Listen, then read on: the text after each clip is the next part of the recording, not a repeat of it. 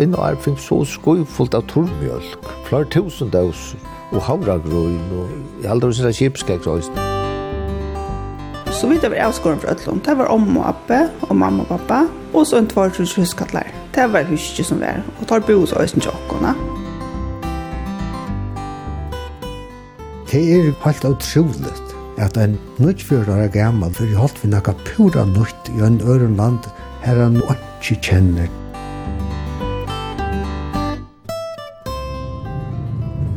Gåan det, og velkommen vi, Nudjan Tur. Etta verur, meldt sagt, ein ørveseturer. Føringeren hever alltid doa vel at omstedla seg, ta skiftande tøyer hava vere, og det hever lukka som drie saman om og i samfellanon. Til dømes fyrir nekve føringar til Grønland, så etter vi ut, ta krutsje ver av, og Grønland som hei veri lukka under krynon, ver leti oppator, og og myndeløkene her høyde avhåa fyrir at nekka hente i Grønlandet. Og i det skulle vi høyre om en særlig kapittel i Farja Søvo, som de aller fleste nok vita lytte et lantje om. Nå om deaner er kommet ut av hva vært bok tja Jakob Fugle i Kvalvøk. Hon øyter Magnus Fugle, seierbønte i Sorgrønlandet. Jakob skriver om papan Magnus, som var fattur av Viarøy under 1903. Fyrst og i 50 år noen flatt i han at Møvløyke var at færa under seiehalt i Grønlandet. Og at færa til Grønlands var en Møvløyke som Magnus tok av. Han fær ivor saman vi konene Salomo og Ankarssonen Jakob. Fortjarlia trång og tøyene i fyrjon kjørte at under 1902 trus fóru tutsjumans ur fyrjun til Grønlands et røyna et gjerra seiabønder. Men tar flesto blivu ikkje seiabønder kortene. Jeg færre til Kvalvøyker at høyra om seiahalte i Sovergrønlande og om løyve av Gernon og i Desiluk som var et ekvelia avbyrt plås. Hette er vi taure av ture om seiahalte i Desiluk og i Sovergrønlande.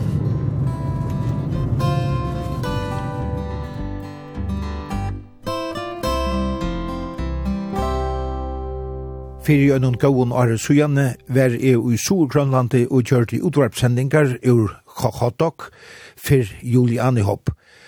Og ta jeg var inne i Agaluit fjørnen, her tjonene Marion og Paul Poulsen, kipa fire sommerlevon, fire badnen og i her. Jack er mer orla av måttene, ta e hei gist og en her. Iver til fyrverand bandageren Tja Abel Kristiansen, som var en av fremstå bandrenen i Sur-Grønlandet. Og her skulle vi ta et brått fra hesson morgonturen. Nu har vi kanskje et strekje til nærmeste bøndagær innanfor levehuset. Og hese gæren er ikke bøndagær langer, og hun har vært at så kjer. Her er sethusene, kvitt og tveimann hatt og sånne utpekninger. Så omanfyr er et lengt seihus, må det være. Og så, vinstre megin øysen her er atter et størst hus. Jeg vet ikke akkurat hva det virker kvært. Og vi så jo av et Petter Frater er et annet, jeg vet ikke om han har rett. Hetta var anna fra tøyne bøndagerer som Abel Kristiansen heie. Han og konan hava nekk bøtten, og ått av tøymon er Maria Fuklø som bor i Kvalvøyk og er gift vi Jakob Fuklø som var bandasvåner og i øynene av grannagården her av fjøren. Tøy foreldrene til honom, på en gær her langt ut i fjørnen. Og de pei jo unko Maria og Jakko funnet sammen, og her var vi gift i mange, mange år. Og jeg må i ørensambandet for at hitta de pei og få de at grøya fra gå så løyve er her av bandakøren om de måtte de funnet sammen. På nye fyrir her er en andre hus, det ser ut som at her er størst seihalt, og her er en rekvø seier rundt han om. Men eh, det får jeg nok mer fratte om øyne for 17. tøy høvever.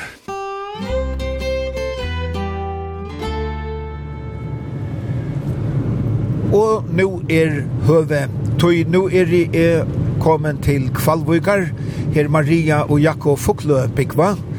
Det blir spennende at høre om løyve av bøndagæri i Solgrønlandet, og om uh, hvordan er våre til seg seierhalt. Jakob Fokle, at uh, færa allan vegin er vi er og et eller rattar sagt ur Klaksvik til Grønlands for jeg vil ha bønte. Det må ha vært en, en stor avhue pappen har haft Magnus Fokle for seg. Pappen har ikke borgen til nægget som helst, han bare hjelpte bøntene. Vi har hørt av vi er og han dom så utrolig vel å få seg og flett og alt så hvert. Så det kom vel vidt sånn der han hørt det til, at man kunne fære til Grønland og starsans bønter. Det kom at, at, at Og i øyne alt rus, hevde det nok steg jonker blei hver, hver, bønder var velkomne til Grønland og ganske tvei alt rus du ta. Fra vera koloni skulle Grønland at et, et åpland, og tar var klar på en av veien, fløyre i Klagsvik, og erastan i for nøysen. Tar for gongt omgengant, han hei jo i fyrra man affær, og, og det helt han var nekka løyte, og Det tok han først og selte og rønte sjøs som møte. Husene var temmelig nødt, som det er bygd, i Klagsvoja. Og selte jeg til fyra mann affær, og så kjøpte jeg åtta mann affær ved en solmotor. Og det var starseren. Det var ikke kjøtt, slupp det av i husene. Hette var tvei alt rus, og mamma er vi for til kvalga, så appa om å være her til tre altrus. Hva vi så øyne for Grønland? vi vi åtne. Hvor Esma Jakobsen sista av papan var skipar. Tar vore som sagt tutsjo mans som fore ur fyrjon til Grønlands og under tvei og Trush at røyna etnena som seia bønder. Men det var nekv troplare kjall tøymon at komme i gongt enn signalene hadde sagt tøymon framan undan. Tar rent oss i nekvar tropeløygar og samskiftnån vi myndløyganar og tar flest og gau opp og fore til anna. Bare tvær av tøymon gjør det dreimen til verløyka og komo i gongt som seia bønder. Vi trøskne og avhaltne blivo viengeren Magnus Foglø og Jekvan Kristiansen ur Havn seia bønder. Ta fyrir en sår jøk for jeg finner sår plass, og tanna kom nåra at det var det mest av opptidse av Ørund. Det tar som vel starsans bønder, Grønlandar, tar tåg fyrst her som, som Norrbyggen har vært. Det er ofta selv så igjen, og tar av diska ta i tøyene som var nemmere per gang vi. Men tar så kom jeg atter med til Kakottok, eller Juliani opp. Nå så tar jeg plass her som heter Kjeluk, og, og det er døylig plass, og, og her var ånden. Så tar vi alt her plass og finket. Papi og Jekvann. Tar møttes og Apel, en bønta, og, og han var så overfra å prate, og prate i perfekt angst, så tar han nevnt å snakke ved han. Og han sier at, at hvis du tar vilt, så kunne du i vintra ikke her, han snakker med kona, han er akkurat bygd av nytt hus, og det var ikke ordentlig livet, vi står og vidla bygd av ferd, og hans ordentlig tilfære og alt det, så skulle jeg slippe bedre, og bedre huskende inn sånn, han vet ikke Og det var Apel, det var hans blei for seg bærs.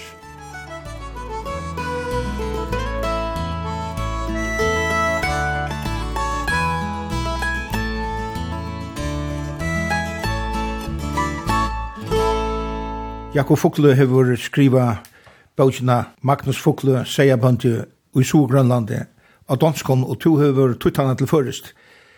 Helst i brekken noen kvæte hodtekete særlige vi her som folk noen som får og alle min til Grønlands for jeg bønder.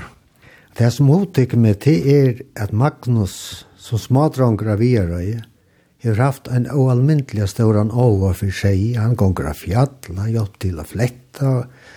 Og i hele tids lodteker han i ødelen bygdaløven her. Men han er ikke møvelig for at fast vi seg av alvor at tog at I viøytene er det å bæra fyra merkur i åkn, og alt hitt i landskjør. Og av viøy er det så bøndrene, som er nekvann seg, og så er det prester. Til å ha en nødjan tjei og ta og få en nødjan lov. Og han har unga tjans. Så han fikk kjøs, som alle unger menn ta, Han uh, er også i Grønland til fiskskap, for han var jo av at her sier halt, ta for inn ved kvørst, og kjøpe ganske et lampe eller tvei vei, og fletta. Ta ikke om rattebrett lån. Men han uh, er så fiskemaur, og så fratter han ta om løy 1900 og øynaltrusk i Loksjåren. Altrusk kanskje, at noe mulig for å være Grønland, så jeg var sier alt. Og han ikke kjøtt av, Han gifter ta og er en son som er jakkfokle. Og så prater vi kona om det ikke skulle være grønnes, og hun heldur at det hever spennende. Saloma, som er atta ur Kvalvøk, og har røter Beia Øyri og Dugurn Saxon. Og de færa så til Grønlands, og ja, i grunden var det han ikke om seg i alt. Der, han er batvisser. Da skikla norran fra og så til Julianhopp, og, og fer land her, og har ikke samband med nekra. Så er det så heppner at her en dag en møte en av de halvt større seabøndene Abel Kristiansen, ur, ur Ekaluit. Og han heldur til at her kunne ha en chans at bli huskadler her, Men han måtte ringe til konene først, for jeg var, det var ikke, ikke øyde av hus. Jeg vet ikke hvordan jeg bøtte meg overtak, men det ble så 15 i alt. Og her er det den første veter. Altså, det var en tutsi som følger Grønlands, men han og Jekvann Kristiansen fyllt oss til første årene. Og så var det der, som i gamle dager, fram i landet, i hittet etter hver man var høstlet at, at sette bygg for å få sin til borsjord. Og det er ut om gamle bygdene kja Norrbygg. Her er grønt, her er gammal bøver, og så teka der av ikke om at her skulle legge land i Taslok. Her han er i stulja 20 år, jo, han nu sier alt her. Det er grunden helt utrolig at en mæver som nesten er alt trusjå alt det han var nødt fjørt, bare Fyrir að det, at Snudfjord er gammal, og fyrir holdt vi nekka pura nutt i en øren land, her er nu og ikke kjenner til vekkri om vetrin og hva skal til fyrir alt det lov seg. Men et, en som vetren til Abel Kristiansen gjør så til at han lærer rettelig nek om seg alt. Og så er han grøyri i at det skal få til. Og hva gjør det så? Tar Rekvar rundt her og fer i land imsa stan i Norrbygg og noen og slåa og føra græs vi bat til tas lukk og torska som freiast og så gjør. Men han kan ikke liva av seg. La tar bajer ta, jeg var nere tru år for så hjem til han kun leser da. Og heller ikke kan klara seg. Men Magnus Saloma, de klarer seg som freiast. Her gikk vi ut begge tvei. Vi kvart færa det så lengt at de han han har en procenting om om framparten på en skoten och här ligger det så vi kvart har det chalt. Tek vi ut sälja fisk, leva av laxe och sjöfågel och tikkvon, ruipon. Och så snak klaras det första åren. Anke lekstert, anka telefoner, anke samband vi. Lakna eller nærmest, det lever bare her. Og as maur nå i høtten, det er ikke det er ikke ivast til at det er ikke gjørst om det etter og det han fer kjolt om han ikke råkna vi å få noe urstukk på skjort. det er en brennande ahu som gjør at han at han fer sted Så er det en hodtekant du sova? Det er det. I kosser da det snurr jo mammene, så snurr det seg om en fatakt ut om det vanlige. Og det som ikke kjenner disse falskene, det er at det bråta seg bort ur ånken til okkurt. Og at de øsne gjør bøttene til seg ra om en rymme. Altså sikka mamman er ikke den eneste vi er røy som, som sier bøttene at de skulle rymme. Det gjør papi og jakk, skåmakeren øsne. Han er alltid over høsvig, lotere seg til han. Han synder eldre enn sikka, men, men han, han sier bøttene, slepp deg om bort igjen så det ikke gjør stræler til bøttene. Så Magnus er her, og så arbeider hans jobb. Og at enda er han en av største seierbandrene i Grønland. Han er så sånn man sier at han kommer til å utslitte han never åndeg. Han er oppe i 1400 av seien, og kommer til å utslitte at 800 nok er bare passende til alt. Ja, ja, han er velt, strust og strevast, velt på nødgjøn. Og det som er en troblad, det er grått. Det er jo naturligt arbeid ved å rotta bøyen. Språngte av det røsene. Og han er så mykje velfyrig at det er her og i fremmede folk kommer. Danske landbunarministeren, politikeren Anders Andersen, vinstramøren, han kommer til grønna, så kan vi gjøre han Magnus og ganske Abel Kristiansen også. Konan, hun er heller ikke øyne kvør.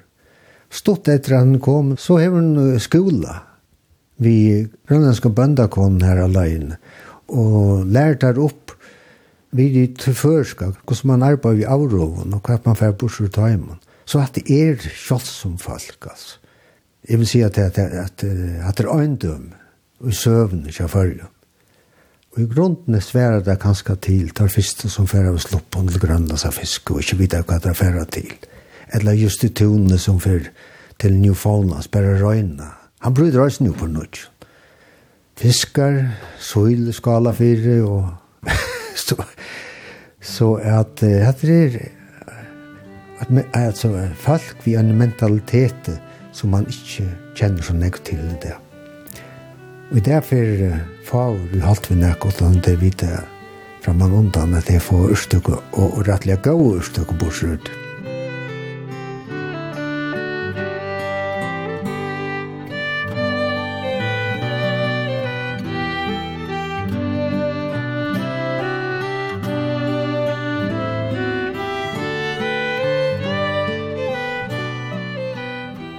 Jakob Fokle, gos så var så omstående at uh, skapa en gær og desse lukk? Det er ringt å forklare, men altså, holdt da er man faktisk purast avskåren. Og ikke telefon, ikke nærkast som helst. Man får ikke bo fra seg. Det eneste og man uh, høyre til, man høyre radio. Og, og, og ta konto vidt klokken 12 og klokken halvkon 6 blir telegrammelisen opp, så bare lortet i radioen. Men vi fikk ikke givet på fra oss. Så det var ikke stått hvis man kom til skei eller hvem man... Så var det helt alvorligt. Helt alvorligt. Et la onkel ble vekk, eller man nekk vi heian og ditten og datten. Og alt til, altså øysen til marsjer og alt, her skulle alt komme innom hestet. Man, man kunne ikke få at hun var, det var alt tilfrist og alt mulig, Det var kjempast arvir. Tilfær og, og, og, og kjøtninger og hva var det bygningar, det skulle jo byggjas upp av nutjon altså. Ja, ja, ja, byggjas upp av nutjon. Men så i nutjon altrus, eller åtta altrus, jeg halte amerikanerne fyrir fra, fra Narsasovak, og, og, og, jeg halte, jeg var ikke som om ta fyrsta arva nutjon altrus til altrus, da kunne man kjeipa baratsjer og pakkhus og hva var det, alt møvlet her i Narsasovak, fyrir en boligen penka, Man skulle bare syrja fyrir at teka det nyer og, og, og, og rotta godt etter og få alt tilfar vekk kort om man och han var pramar att cykla till gärden. Och det var gott tillfälle till när Sarsvar blev byggt upp för nu under grön så det var rättliga nytt allt. Ja, det en stor stö. Ja, så väldigt stor stö. Man kan ju få häver bowlingbanor, häver begravsalar, alltså häver allt med maljör. Hospital här var ju gosse, det var så helt enormt så störst. Jag har hört att Korea-krutset har så kommit la fyra här, tar kommer i hospital här i Narsasvak. Og var det lengt av flyta til ferie? Ja, Jock var lengt, ja. På banka lengt. Altså vi prambled og så ille lunch. Eller vi har en anvendelig på at under 28 timer av sykla fra okken. Ganske møyr. Men her var det nekk her innan Sarsvak. Jeg hadde vi kjøpt noen trutja baratjer, og så kjøpte jeg størst pakkhus, og der kjøpte vi sammen vi Mitchell. En barakk kostet 300 kroner. Mitchell som vi kjenner som Øynabekvann som er bo i Kjejolf og Kjær, ansamhandler uten i Øyne Grønland. Han var tvei år i Åkken. Hette var Arna flott ut Øyne. Så tilfærdig til Sethusen til Mitchell og Seihuset til Øyne fra Narsarsvak? Ja, ja, alt tilfærdig han brukte fra Narsarsvak. Det hadde så utrolig godt tilfærdig Øyne, alle stølpar og alt det som, som skulle brukast til utvekkje inn i Men det var halva blir akkurat, akkurat som i det. Og hjelpte du så mykje alle at, at bytja her ute? Nei, vi hjelpte ikke mye alle bytja, men, men uh, hjelpte, vi, vi hjelpte sammen å få alt på plass. Ja. Men han bygde alt selv. Ja. Han er utrolig donalyr. Nu er det sett hos Nikola i opptjonen. Ja, nu er det ferdig oppe røy. Tog verre. Ja. Maria snakkar jo systerna til oss her, og hun har møtt Michael alle bøynen, og Men alla er byggt opp at. Så han har framtida planer. Hva byggt at de som bor ur tilfæren om i desse lukk? Huset tjokk, det var et bollstutt hus, og de fleste til sånn type hus, det er åtta sløa typen, og det er sørst ut tjokk, alle kustene i Grønland, holdt fra Juliani på holdt opp til Tole. Og, og det er bollstutt lån man fær, og det er sånn bolig lån, For eksempel, da vi selte gæren, så fikk vi bare for i huset, bare for det som vi tatt for bedre hus. Jakob Fokle, var det ikke strev lov at uh, her var seierhald så lengt fra øren? Helt utrolig strev. Da man tanker bare, altså, da man kommer i her, så ser man hvordan luttla følger her. Vi tatt stor innhekning, arma hista, hva sier, Men så må man lete opp, og så får det inn i landet. Alltså, det ble for lengt där jag har så hade det flere andre plass hver man har rett, og, og så kom man kunna reka bojar den etter herfra. Det ökar ikke så øyelig og størst. Hvis man kikker på et kors, så ser det ut til at det er en halvfjers først kvadratkilometer alltid, i okkar bæret her så vidt. Men vi tar ikke bestemt, vi bestemmer ikke hva vi kan ta med, vi bestemmer ikke hva vi lever, det var ikke mark for det. Det ene som man søker om til man skal starta oss bønt her, det er bare for å plåse byggva. Her, her, her er nok av veia. Ikke noe da. Man bruker det. Akkurat. Man får bruksrett. Ja, ja. For akkurat grønnsjøy til en label, men det var ikke grønnsjøy som vi fikk av videre fra myndløyt. Det var bare mitt label og akkurat hver vi ville ha grønnsjøy. Hva for jeg slik, har du dit? Det her er mest Øslands. Jens Kemnes, han, han fikk 20 seier fra førjen av 1906. Og hans nere kongen i Kalikko, kong Amos, den første større seier bønden her. Han er utvidet nok snakk, han valse kom i 1915, og, og han hei 175 seier pluss vekrar vid til Grønland. For han kom fra Danmark, og han er i Australien, og så er han snakka vi, vi, vi Uh, Myndlagan nirri om han ikke kunne slippe til Grønland å starta opp uh, seg alt. Og han er finnes gjøttelse, så nå er han fyrstand før han stod Østland, uh, hittar hva som var vera å få seg herfra, og 15 så, så flyttet han til Grønland vi som seg inn. Og det ble Juliani, eller Rottor, det første slakteriet vi her.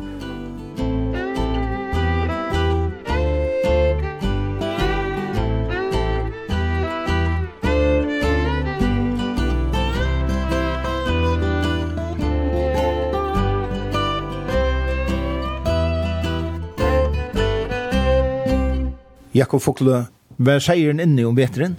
Nei, vi gjør det sånn når jeg sier pjørkjøver inni om veteren, for altså, det viktigste er det han får ete. Og, og hvis du har for eksempel sier hos du hvordan han åpner, så ofte at han legger seg på ut, så legger han seg ut. Det viktigste er det her han røyner han, og får nok ete.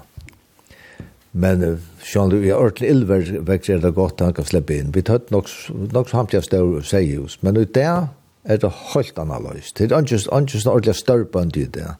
Det her var en større bønd, han er 500 seier her omkring. Men han fer en 800 lomp, Du sier, for slipper ikke ut for, for, for til lempt og, og, og, og, og størst kontroll. Så reveren, han fer, slipper jo fer han ikke et her. Annars er det en stor troblodje? Ja, reveren er stor, ordentlig stor troblodje, ja. Særlig er det två lempen. Då är det någon friholt vid nummer 2 lams, då är han klar till att äta nummer 8. Hvordan är det man sier Har du tid til det du mest? Men altså, i 1936, da hadde vi talt anna tusen av seg. Og så kom en så utrolig ringe vetter, at det kan bare ikke beskrivas. Da miste vi 300 av seg. Og Abel, svigerfar. Han kom også i tøyras nei, så han løy helikopter, det gjør vi godt nok ikke. Han løy helikopter, det var ikke minne trutja for helikopter kom vi vi fjord inn til land. Det kostet i dag på ut og inn, altså. Så da han, han rettet inn uh, ta mest av seg altså. Han er i nekvann seg øysen. Og at han har tatt, høyt vi et anka til møyr enn 1200 seier. Det er helt vera nok. Da var det mitzis trøyder. Pluss det at man fikk øyla fall om, du, det orska ikke få, det vet jeg, jeg var så rævlig rinker. Så tog vi mangla faktisk fjord. Og 36 fjord og om 4000 av seier. Så nekk var det. Vi er i Grønland, ja. Og da jeg vet var jeg var alltid var en 22.000 etter. Så nekk var mest jo øyelig. De fleste har ikke haft så øyelig nekk man sier, 200 og sånt en tutcher og det stor bønder. Ellers var det ikke, ikke så stor. Og et vær vi lente og, og grøyre og sånne, men seieren skulle jo hava træt, da? Hva brukte du dit? Vi kunne få fiskens lasje fra Narsak. Det første åren var det i sånn stor runde øyktunnen.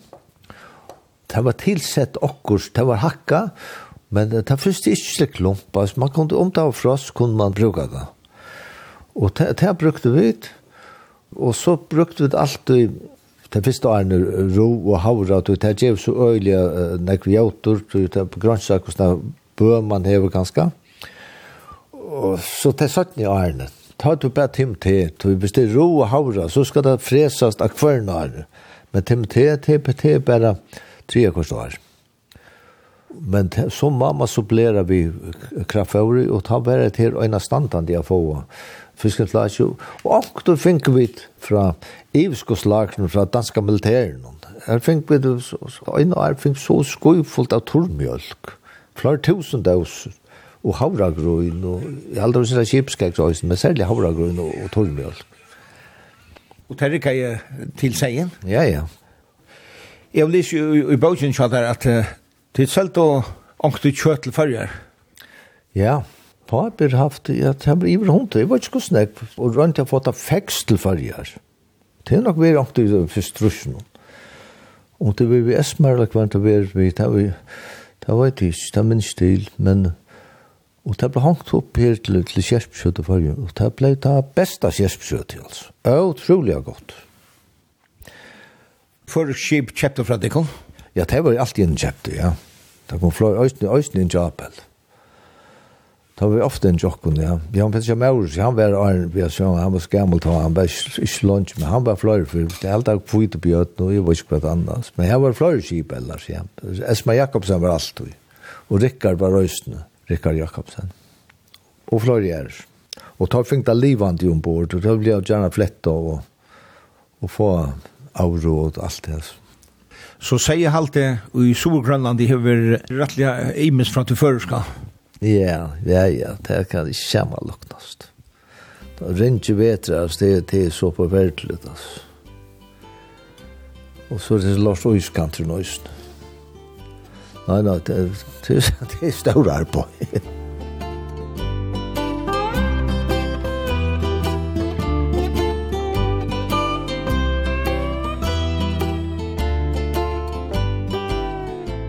Helge Brekken, om kvantutning heldur du hentan søvann om Magnus Fokle, og Søyabendan i Storgrønlandet hever fri akkurat det. Jeg ble spurt ta og jeg vidt sagt om penger. Og før seg alt kunne lære nek av oss ned til at de som skulle lette penger ville feien til jeg sier nei. Men så gjerne har vi hoks om at i grunden er det rettelig nek man kan lære. Man kan lære til at uh, vutten han hever til seien er jo almindelig stor. Og derfor så visste han slippe fra at, jeg uh, bruker størrelse av medisin. Altså vi kunne lære noe om at seia tvittleitjen. Altså vi tar så nekvann seg, at vi tar alt om nekvann seg. Vi er til Norrland som brukar mest medicin til seg. Trudja for Mari som sommer fyra fyr. Det er rett, og så er det det som jeg tar som fyrir så ofte, det er bite at det er så nekv. Nekv bit at det er ikke godt for naturen. Anna vi, vi kunne lære til hvordan bor seg et har i 18 år og fløyre i natt. Tvoi lemper til dømes. Han fødte seien vel, så snar at 18 år kunne klara seg vid tvoi Og så hei han sjål vant han fire måneden at han hei godt græs og leta seien kom ut av. Og til det samme som man øyre lærer i førjen, skal du hava tvilemper og, og alle til så nyttar det ikke bare gjøre dem for om vetren om vare. Du skal øye det størst og ikke. Her gråerne kommer, for jeg lette det komme ut av her. Det er også noe man kan, kan lære. Og et annet som han uh, opplever langt å ta til er at han slipper av seg. Han uh, slipper av igjen til Slatevisk. Langt å ta i Slatevisk og Juliani opp først, og så i Narsak satt den i alt det. Og jeg ganger folk og kvitt om kittlene og færre og skrekk var oppe av bøyen i andre slipper inn her. Og det er noe som purast er ukjent i førjen. Ta. Og vi da var en ønsklate vi ikke førjen. Så sier jeg alltid i Grønland det har bedre kipa. Ja, det er pura grått at sier jeg alltid i Grønland er tatt av snur som hatta avvirka av. Det var ikke neite halte og grusa halte i Danmark. Tog at uh, tar som uh, gav ra om sier halte og særlig kanskje om slater til daner i Grønland. Jeg var ikke nær på at jeg begynte å selge seg, det er kanskje midt i alt russene og synter, og jeg var vidt av øsene. Og da var fabrikken flott til uh, Narsak. Og da ble region en, en, en 35 opp, opp av vektene sen. Og så platt man å spørre meg om jeg skulle slippe inn og slakta roi røya hitja. Og jo, det var gammel noe. Men pampa heter jo alt røsjen, og vi slupp ikke inn her utan kvita kittel og kvita hyggvo. Ja, langt ta. Vi røyn før. Man fikk alltid å vite når og uh, badene kom i et seie nå. Som Jakob, hvis nå tar skulle du inn til deskel og inn til okken et seie, så en av trutja vikla åren, fikk vi da vite at ta koma ta og ta. Og så skulle bare sørge for å heve lamp og alt er klors da det kom. Så kom da vi framme, og så var bare at det rek ombord. Og jeg så forbandt som oftast vi selv, og, og jeg var ikke vi i Østny. Så ble det ikke på land her narsak og på en av vekt. Og tar, tar, vi har 35 lamp og send, og så er og, og vekker fyrt seg. Bare tar man det kjekta fyrt og, og, og det var nekvast han lengta sykla, for banka lengta sykla, men, men det var, det var spusik ikke noe problem. Og så selt man nek privat, og til privatfolk, til bojinar og sånnar. Det er slakta vi da gæren. Vi selte til skolan og Juliani, men da måtte vi teva uh, gjøralakna gæren, og det skulle være gjøralakna kanna, det som institusjoner kjøpte Så skolan er vår og kom til Kjatikon? Ja, det var det. Stor kom ja. Der har vi nøkter vi kjøttet? Ordentlig nøkter vi kjøttet, ja.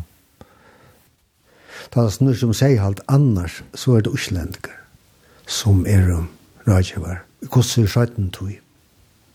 Eh, altså, en av grunnen til at jeg øsene eh, har haft overfyrsen, det er at eh, Magnus Raller Høstjenker, vi er i familie, Abben, han var trymninger. Og der er ikke alt sammen. Esmer Fogler i røyn, og han var ikke øyne kvør helter. Han yngste bøtjen, fatter nu ikke andre tutsk, og samme år som papen min. Og jeg vet fra Johan Jakob Skåmakeren at da han kommer til havnar, Esmer Fogler og skal til kjøs, så er han ikke forstoler. Han får inn til Johan Jakko, og spyr om han kan få henne stoler, og han skal regne å betale det til han kommer atter. Det sier nek om omstøvna til hans folk. nå. Og Esmar, ja, jeg har alltid vidt hvordan det gikk Esmar, ja, så han, altså i fjørten alltid, han kjøpt, han sammen med meg og kjøpte et oljefelle. Og det som øsne er oververst, vi er sned som jeg har overfyrt, det er at måste døra sitt som fatakalimor fram ved Jonna. Og hun slapp ångan leis. Og det er lykka som bakgrunden tja hesson mann og Magnus jo Esmar. Det er ikke noe utrolig altså.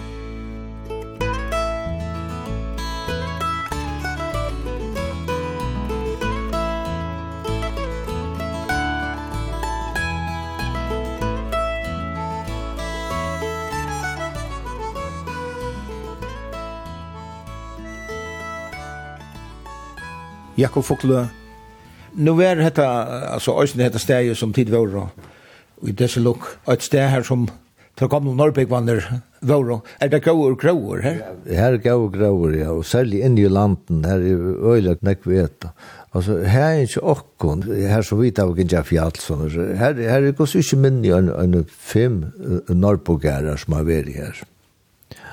Og da man så for langt inn, så det er nekva, det er nok nekva inn i landen her, ja. Og så kom det rundt?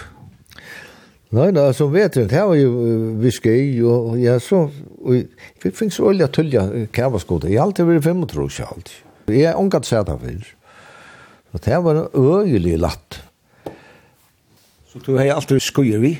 Alltid skuier vi, man tjekk viske i allan vetre. Jeg husker om uh, mammen mammentøyna, altså, hun var jo han som helt hus. Det må jo veldig øyelig avbørst, for jeg er husmauer.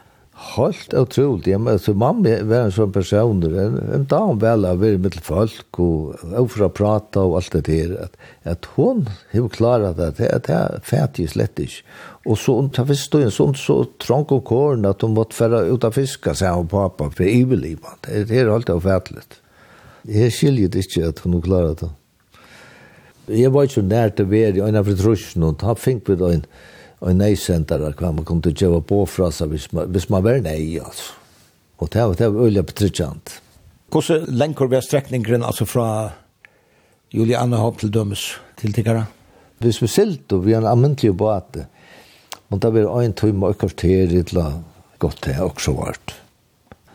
Og det var lengt om midtelen uh, gærene? Så for banka lengt om, altså uh, amentlig gang, hvis vi skulle gjenga en label, grannan. Det tog cirka fem timmar. Kona Maria och to tid var då som man säger av kursen grannagärre. Ja, ja, vi kom granna grannagärre. Det här, här var ju min 15 böt. Nu tjocka kom jag bara åt. Tog kunde ta byggva heima. Jag tog att här kom vandrelärare mittelkan satt ut och jag kallade ut. Men tjocka kunde hver bare øyn vær, her, her kom så andre vandrelærer, så jeg måtte bygge på byen. Det er skole, Julian jobb. Når kom så så at uh, kjenne Maria? Først vi var inne her i Kalvet, har jeg hever ikke vært mer enn fyra år. Jeg minns godt til at bøtten her, og særlig Maria, hun sa så øyla fitt ut. Men så stod her ved hårene og inn i køkken. Og hun vaks, og jeg vaks, og det gikk bare for lengt høyt. Og så skulle jeg til farge røysene, uh, Lærald Tempmann. Men han så kom i og da var jeg 21 år. Da er hun vært 16 år også, ja. Jeg var ikke med, jeg så forbrandt på godt, godt ei og en. Altså, jeg helt hun var så fitt, og så... Og man sa nu, da man kom inn til Akalvet, og der er Rio Ross, som var han er jo sånn ikke Ross, Apeløysen, og, og der så alle så gleder ut, og der tenkte ikke på maffel til hans år, der trygg vi aldri. Så du måtte ikke gjerne hva da? Ja, ja, det var ikke fyrir innan for Juliani og Pilakotto, at, at, at det tok meg sammen. Vi kjenner godt Jakobsson, vi var bort, små jenter, og så blir man vaksen, og, og han er også vaksen unge med inne i byen. Og Maria Fokle, hvordan vil du løse at du badneheimen? Altså, det er 15 sikken? Det, ja, vi stod på badneflokk. Vi har haft godt. Pappa og mamma, vi 15 børn. Selv om vi er fra æste til yngste, så lengt i midtelen. Vi er unge til å har med senere. 21-22 år, fra eldste til det yngste. 15 bøtene og unge tvillinger. Nei. Og vi har haft gått inn i bøndegøren her, altså om en saken på åsene. Pappa var ene bad, han er ankersonen sa om. Vi hjelper, hjelper til, altså, bare det er samle for, samle seier, og det er kommet i ratt, og, og Og, og, og hotsa og alt det som høy til, og fiskesul og ja. Og pappa din uh, var jo kjentur seiabandi i Sogrenland. Ja, ja. Han har haft forskjellige poster som uh, han har vært han er også kommunen i Julian oppta. Og bøndefellene noen, det var nekko av former og største på bøndefellene bleie, det største igjen halvtrust nå. Jeg minnes bare pappa, han er opptid som jeg var, da vi var vaksen opp og bare stå på og, og mamma som vant oss ned, han ikke suttet til da man er sånn eksiste, og omvendte en, en forlangt arm til mamma og pappa. Ja. Ja, men så skulle vi fortelle foreldrene og, og at, at, at dette var alvorlig, og så videre. Og 25. mai, ta hever Abel fölst og vi brukte bare samme det til at jeg ringer på. og Det var inne, inne i Akalvet. Hold trus jeg føringar seg til Abel. Det ble inne, inne i Gæren Sjån. Og i minst tid fink harer, røyper til døver, gauar, saus og el. Det smakka i holdt øyna standant, og så fikk man så fytta da møysene, så det kunne ikke være bedre. Og vært her alle tøyene og i hånden at til vil du flytta til fyrjar? Nei, slett ikke. Vi tar ikke kont for hvis ikke var øyne på det. Så er vi i Grønland. Da man er alene av det, er det på en annan måte. Altså, pap var begynt å skrante og synder, og man føler mer aper da man er øyne på det. Så tid flott til førja, for eldre enn ikke er flott til førja? Ja, altså, tid førja synder og Arnvid, så vi skulle avvikla gæren, og, og, og, og det ble så gjørst, og, og så tar alt det var livet, så flott vi til førja. Det vil si at Maria, hon var bestyrer enda, ta, ta var skolheim kom til bad som var i bøndagøren. Det var, det var just skolheim til deg, og Julian Jobb. Og, og her var Maria, hun var bestyrer enda tidvis så førdelferdier, at vi skolheim. Han fokle, begge foreldrene tjater, er oppvaksen og just nere små plåsen, avbyrd og plåsen, og pappa døgn i Deselok og mamma døgn i Agaluit. Hvordan er umyndet du tar oppvaksen som taimon? Det er øyelig avskåren, og særlig vetret halvuna, Da hadde vi flere måneder vekk fra Ødlenøren. Men så da det, det fikk kaosgodere, så det kunne korset litt. Etter det var det gang. Hur då också nek om til stora stiet til har tidigt affärer till Grönlands, Abdun och Amadun, samma pappa Abdun. Ja, det er alvorlig størst i at jeg ikke. Bort ur alt ned, og det bo i Klagsfolk, som tar over store byer. Og så færa ut til her som ikke vær. Selv bygges egne hus, velja et, et øke her som ikke vær. Og så bytja det opp. Og så pappa og omma kommer iver, tror alt tror Og så ganger fyra dager, så skal pappa skola. Han får skola og ikke godt dag, og omma får inn gær. Og så er det avskåren og i mannansvis det blir harst. Alt sikkert blir bare. Pappa som nødgjør det små dronker. og jeg var anket i høyma i jølen, men så somran her tar vi han så høyma. Han tog jo bo her selv til første åren i Løvnen, og i disse lukk. Ja, jeg bor her min første år. Da har jeg og sistemoren, og det var åtte år middel noen, Vinni. Så vidt jeg var avskåren fra Øtlund. Det var om og oppe, og mamma og pappa, og så en tvær huskattler det var huske som var. Og tar bo hos Øysten tjokkene. Og hjelpte til alt av gærene. Så da vi får ångstene utfør, så får vi til båte. Vi ikke grann bygd, vi ikke vimpfolk. Og, og vet du, når jeg tar kom til Østfjell, vi kjører skottere inn til det grønne skommet på min, inn i Galvet. Og her var det stor familie. Mamma, det var 15 sikker. Så her var størst tyskje. Og abmoen er jo Østene, nek ross. Alt igjen 15 ross som man brukte just till att reka sig vi. Det slog vi då när och. Men det första åren minnes det sjåen inte. Jeg minnes mest det att jag vet över uratroferas det var till gå minner. Ja, og selv om vi kom som affärast och systermojen samma med föräldrarna Så vi blå, vi bara blev gang til å Luka ut med de rötterna. Vi stod inte undan. Så mamma och pappa de øyene mynda mer till att jeg är så på någon i orska Luka. Så sier appen min, nei, du slipper ikke undan. Så får jeg inn etter en skamle. Og sett en skamle, skulle si til skamle og luka. Så det er veldig, da vet. Ja, ja, man skulle ikke gjøre arbeid, ja. Alt skulle gjøre så ut, da. Og hjelpe til, og rote av, og vaske opp, og alt skulle gjøre så ut, ja. Jeg var fyra og år til å flyttet til førre. Ja. Jeg minns en fra omma, hun fortalte søver, Østen 18 vi kom til Færger, så fortalte hun søver herfra. Og en av affær var en skolaflokker kommet, altså vikeskifte inn av gæren, vi telte og sånt. Og om oppe til Øtlovit, vi tøtte hun ekve hundar, og den øyne som var mer så hushunder, han et neia. Og til bøtten, skolebøtten, det var å spille vi han. Og de røpte neia, og var gøy vi han og sånt.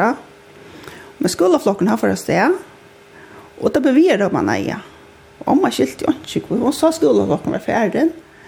Men så var det raunene som hørte tidsi navnet opp, så det røpte alt neia, neia. Så hundren akta i røvislenta, så det var sinne stått litt. Det stor familie som mamma døgnet. er de kommet ikke sammen? Ja, det er stor familie. Mamma, det var 15 sysken som sagt. Og i sommer var vi der ivre, familien er åttende og sinner, og mamma, mamma, pappa. Og ta var det akkurat forsvar siden Gæren ble grunnlagt der. Tja, det grønne skapet, Abel Kristiansen og Hanne. Tan bøndegaren er ikke i bruk nå, men vi var her allukka, og, og familien var jo gæren. Og det var ordentlig hun litt. Og jeg stod til å sitte alle siste bøttene. Til vi sånn så den ikke siste bøttene, det er sånn jeg siste. Størst opplevelse, også for siden her og, og mannen og sitte. Jeg kan lov til å lukke som akkurat. Vi var faktisk også inne og, og vi gjør det slukk. Stått la suttja. Selv om det er færre til ønsken vi er i 40 år. Men omkvar vi er det samme, og pen nattura, og ja, ordet og ordet suttja. Og så nek folk alt, stått Men Jakob, hva er jo våre så tørst tørst og troblagene ikke at det kan vi si alt noen? Her var nekve troplager fjolland. Øyskantrun, han var overleie fjørene, som hadde leggst en kantor.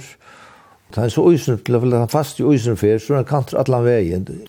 Ta en fjærer, så brottna det inne vi, og er en øysen fyr, kan seien lepa nir i middelen så hese hese skossaner inne i fjøren og etat herra. Så slipper han kjoppa at.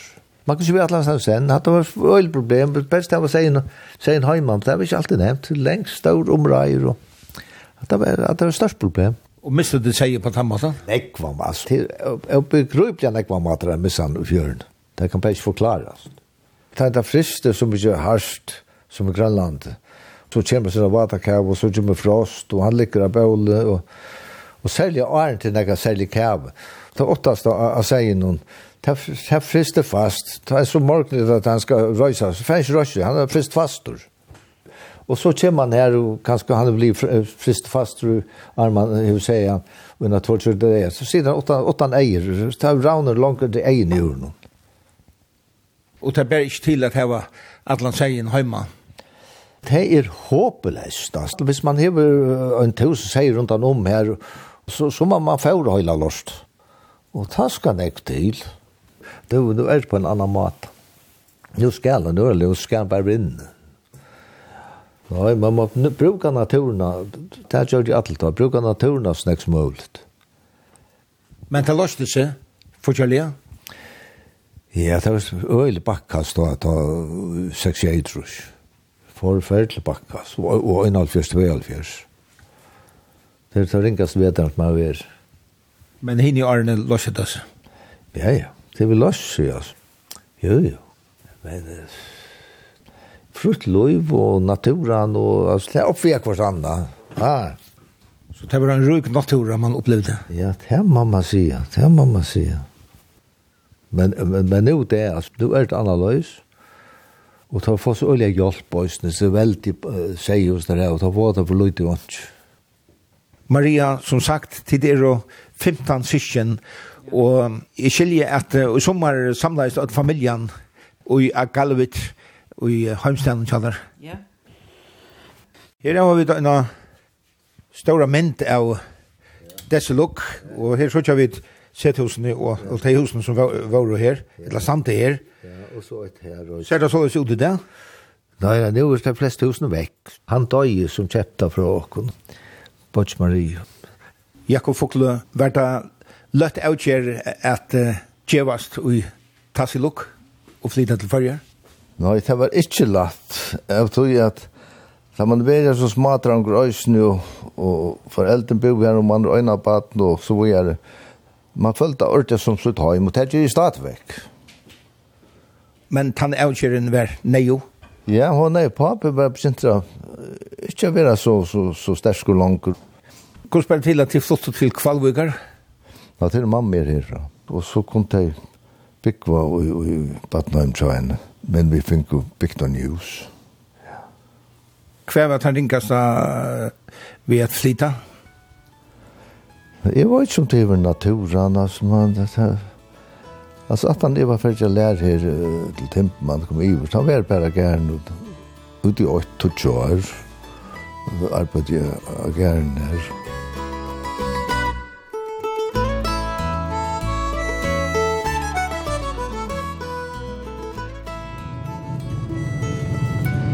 Ja, hetta var ein Ahoavert og Ørves og Søva, ta føresk familie, breit opp ur Nudjon, og fjord alla vegin til Grønlands er at røyna etterna som seia bønda familie.